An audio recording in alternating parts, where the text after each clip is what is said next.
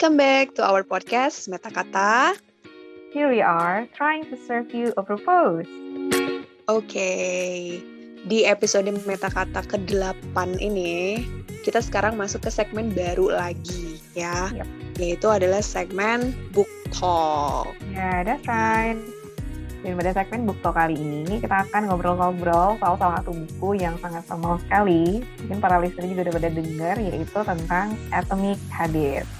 Nah, tapi mungkin kita harus ini dulu ya, kasih tahu dulu listeners tentang brief explanation about this book. Kamu mungkin bisa jelasin dulu, Beb.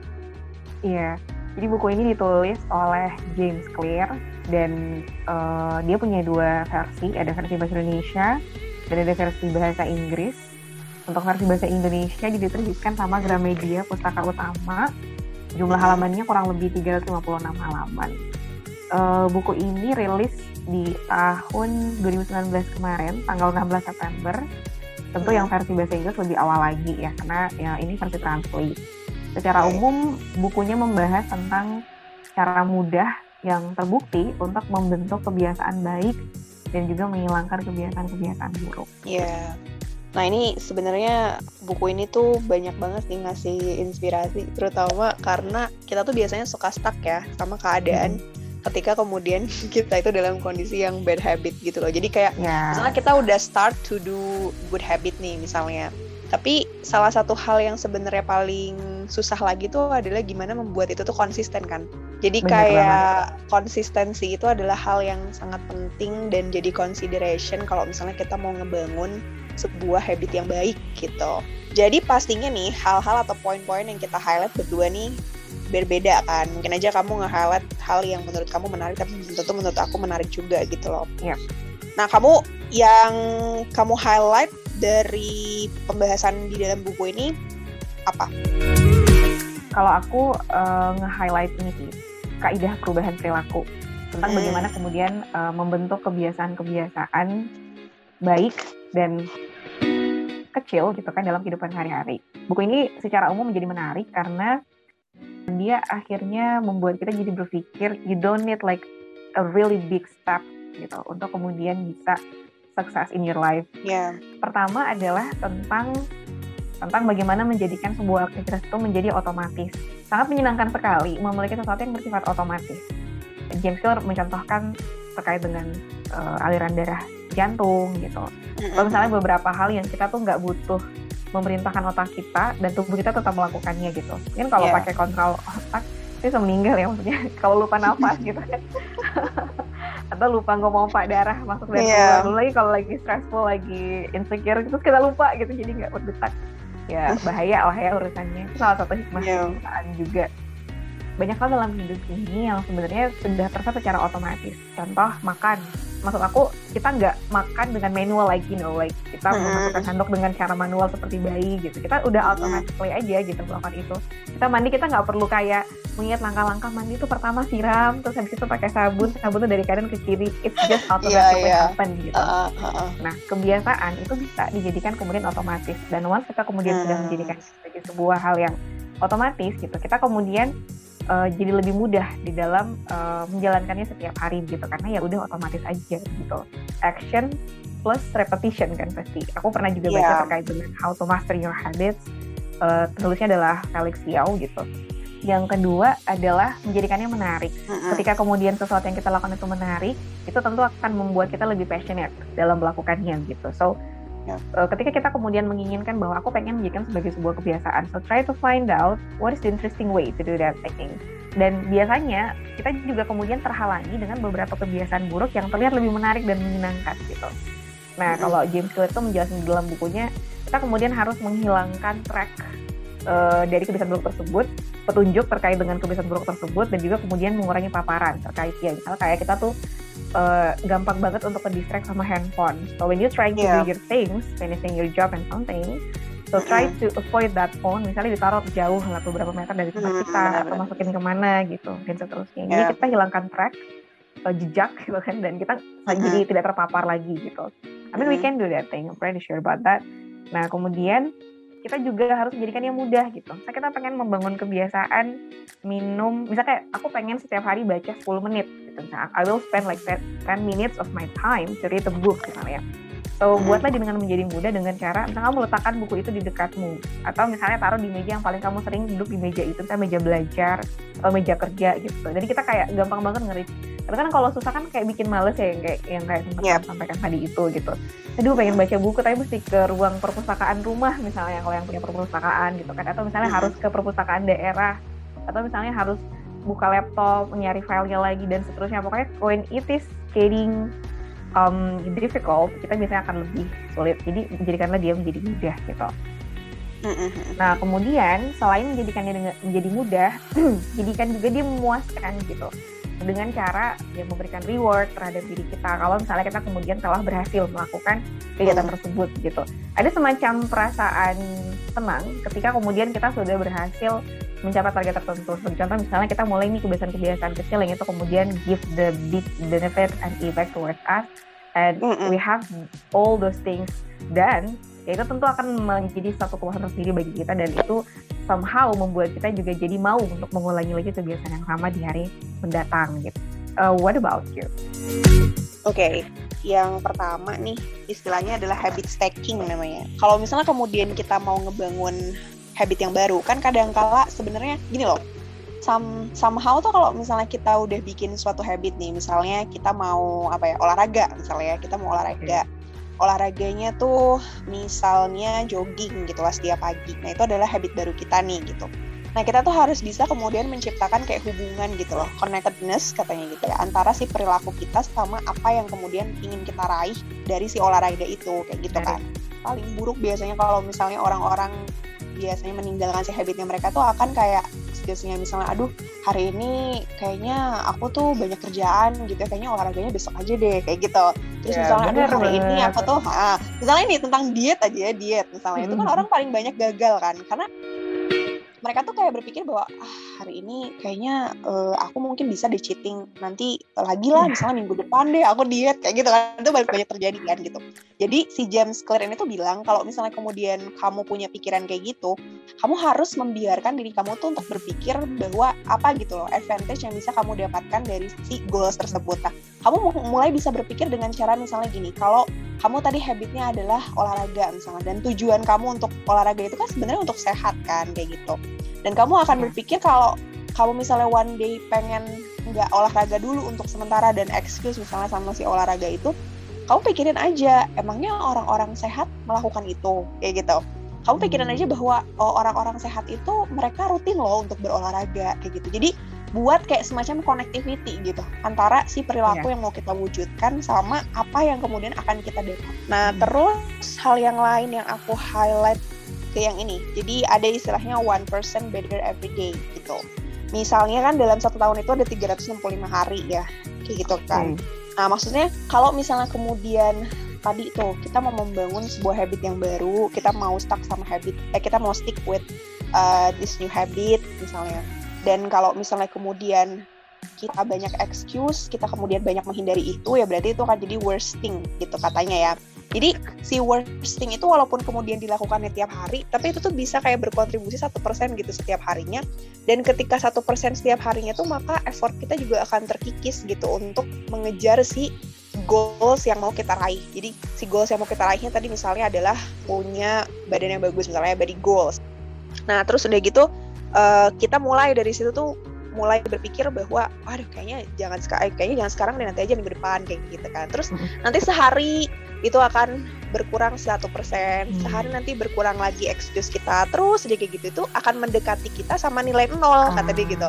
Jadi kalau misalnya kita semakin lama banyak excuse-nya maka semakin lama kita juga akan menjauhi si titik uh, goals kita atau tujuan kita tuh yang paling intinya apa gitu. Mm-hmm. Nah tapi sebaliknya kalau misalnya kemudian kita terus stick with sama si habit itu sekalipun itu berat ya dan kayak tadi tuh ada habit stacking pikiran-pikiran yang kemudian membuat kita ada connectivity sama si behavior dan apa advantage dari situ uh, justru one percent better gitu loh every day. Jadi si one percent setiap hari itu justru kita akan mendapatkan walaupun itu one percent ya ibaratnya kalau kalau kalau bagus tuh ke kanan misalnya kalau kalau buruk ke kiri gitu kan yeah.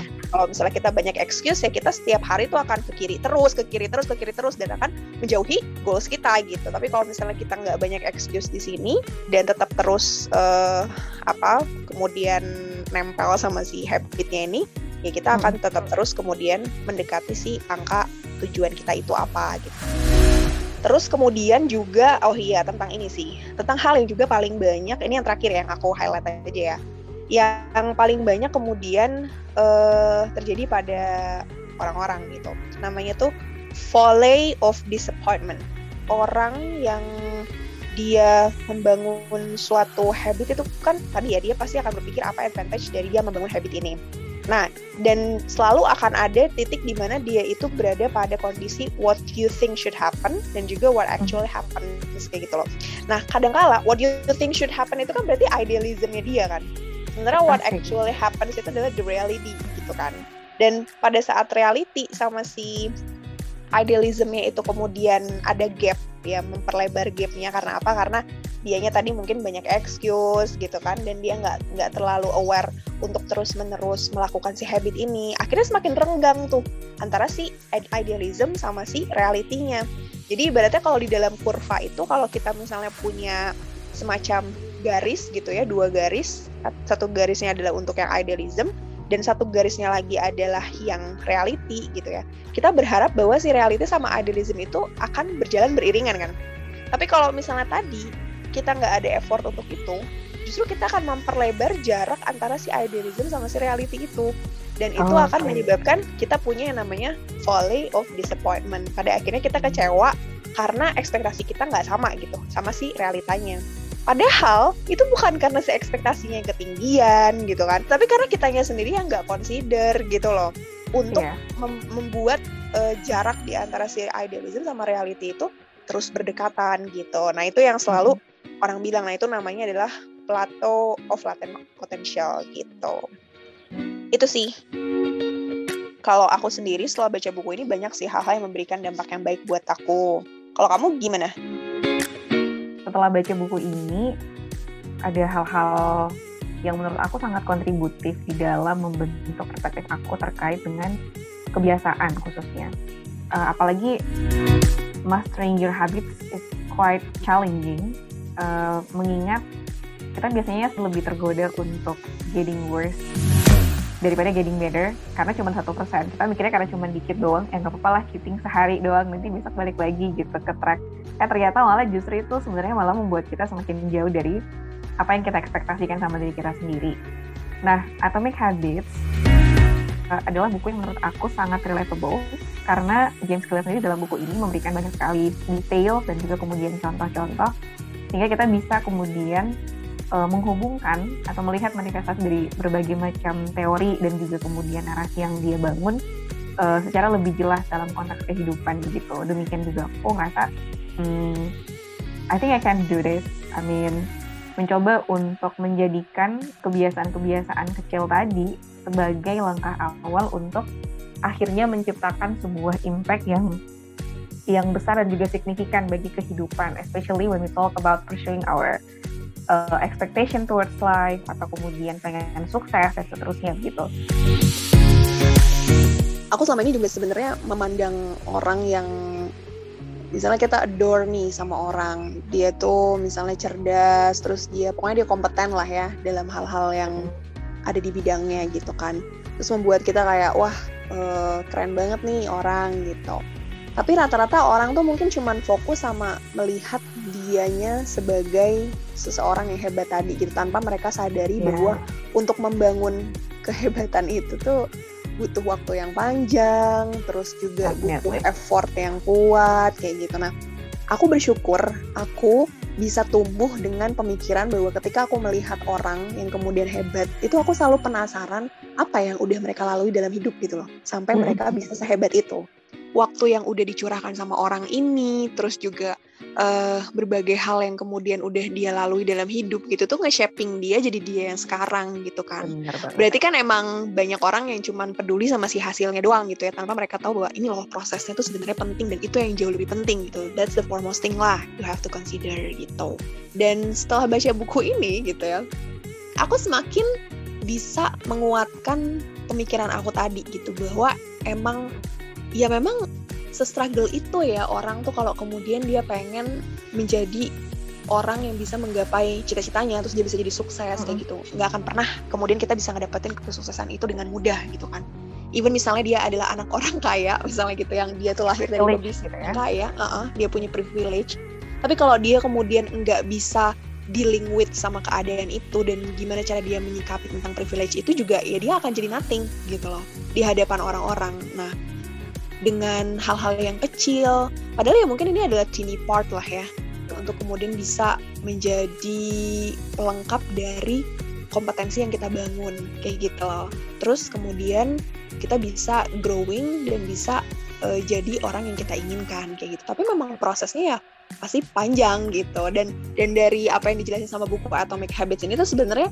ini menjelaskan tentang proses kan ya enggak jadi yeah, kayak betul. dia jelasin dari awal tentang fundamentalnya apa sih kita harus punya mindset tentang proses untuk bisa membangun si habit ini kayak gitu. Terus misalnya implikasinya apa sama kehidupan kita kayak gitu kan. Bukan hanya sekedar kayak tips-tips biasa doang gitu how to how to enggak gitu kan. -hmm. tapi harus di ditanamkan dulu dari si mindsetnya. Karena kan akarnya adalah pola pikir kita kan kalau misalnya kita Benar. sendiri pola pikirnya nggak bisa terbentuk ya gimana kita mau ngebentuk behaviornya gitu jadi aku suka ya. banget sih sama buku ini kalau kamu ngasih rating dari buku ini berapa dari berapa sampai berapa dulu nih ya Iya, skalanya skala berapa dulu nih? Kalau misalnya pakai skala 10. Ya, 10 aja deh ya. Aku aku bakal kasih 9 sih. 9. Ya, 9 dari 10. Oke. Okay. 9 out 10 ya. ya Kalau aku aku kayaknya bakal kasih 9,3. 9,3. Maksudnya kayak 0,3 poin tuh kayak hal yang meter. meter banget gitu. Kayak aku menganggap bahwa 0,3 poin itu untuk apa ya keepikan buku ini juga kali ya maksudnya ini nggak nggak sama sama buku yang lain tapi aku nggak bisa kasih itu kayak di exact score gitu loh apakah misalnya kayak 9,5 or something kayak gitu menurut aku 9,3 sih ya artinya bahwa buku ini sangat uh, highly recommended buat dibaca yes. especially uh -huh. kalau misalnya teman-teman sedang struggling untuk mm -hmm. membangun dan men-shape kebiasaan-kebiasaan kalian Uh, especially buat kalian yang kemudian punya ekspektasi-ekspektasi, mimpi-mimpi di masa depan buat diri kalian yep. sendiri. You can okay. try it this book, probably helpful yeah. for you. Nah, seperti itu listener, uh, sharing-sharing dan ngobrol-ngobrol kita terkait dengan Atomic Habits dari James mm -hmm. Clear. Yeah, so this is the end of our podcast. Dan jangan lupa untuk dengerin terus dan juga keep listening our podcast bersama kita yeah, berdua ya. Dan jangan lupa juga untuk follow podcast ini, aktifkan notifikasi biar kalian nggak ketinggalan. Ya, oke okay, kalau gitu. Bye-bye. Bye.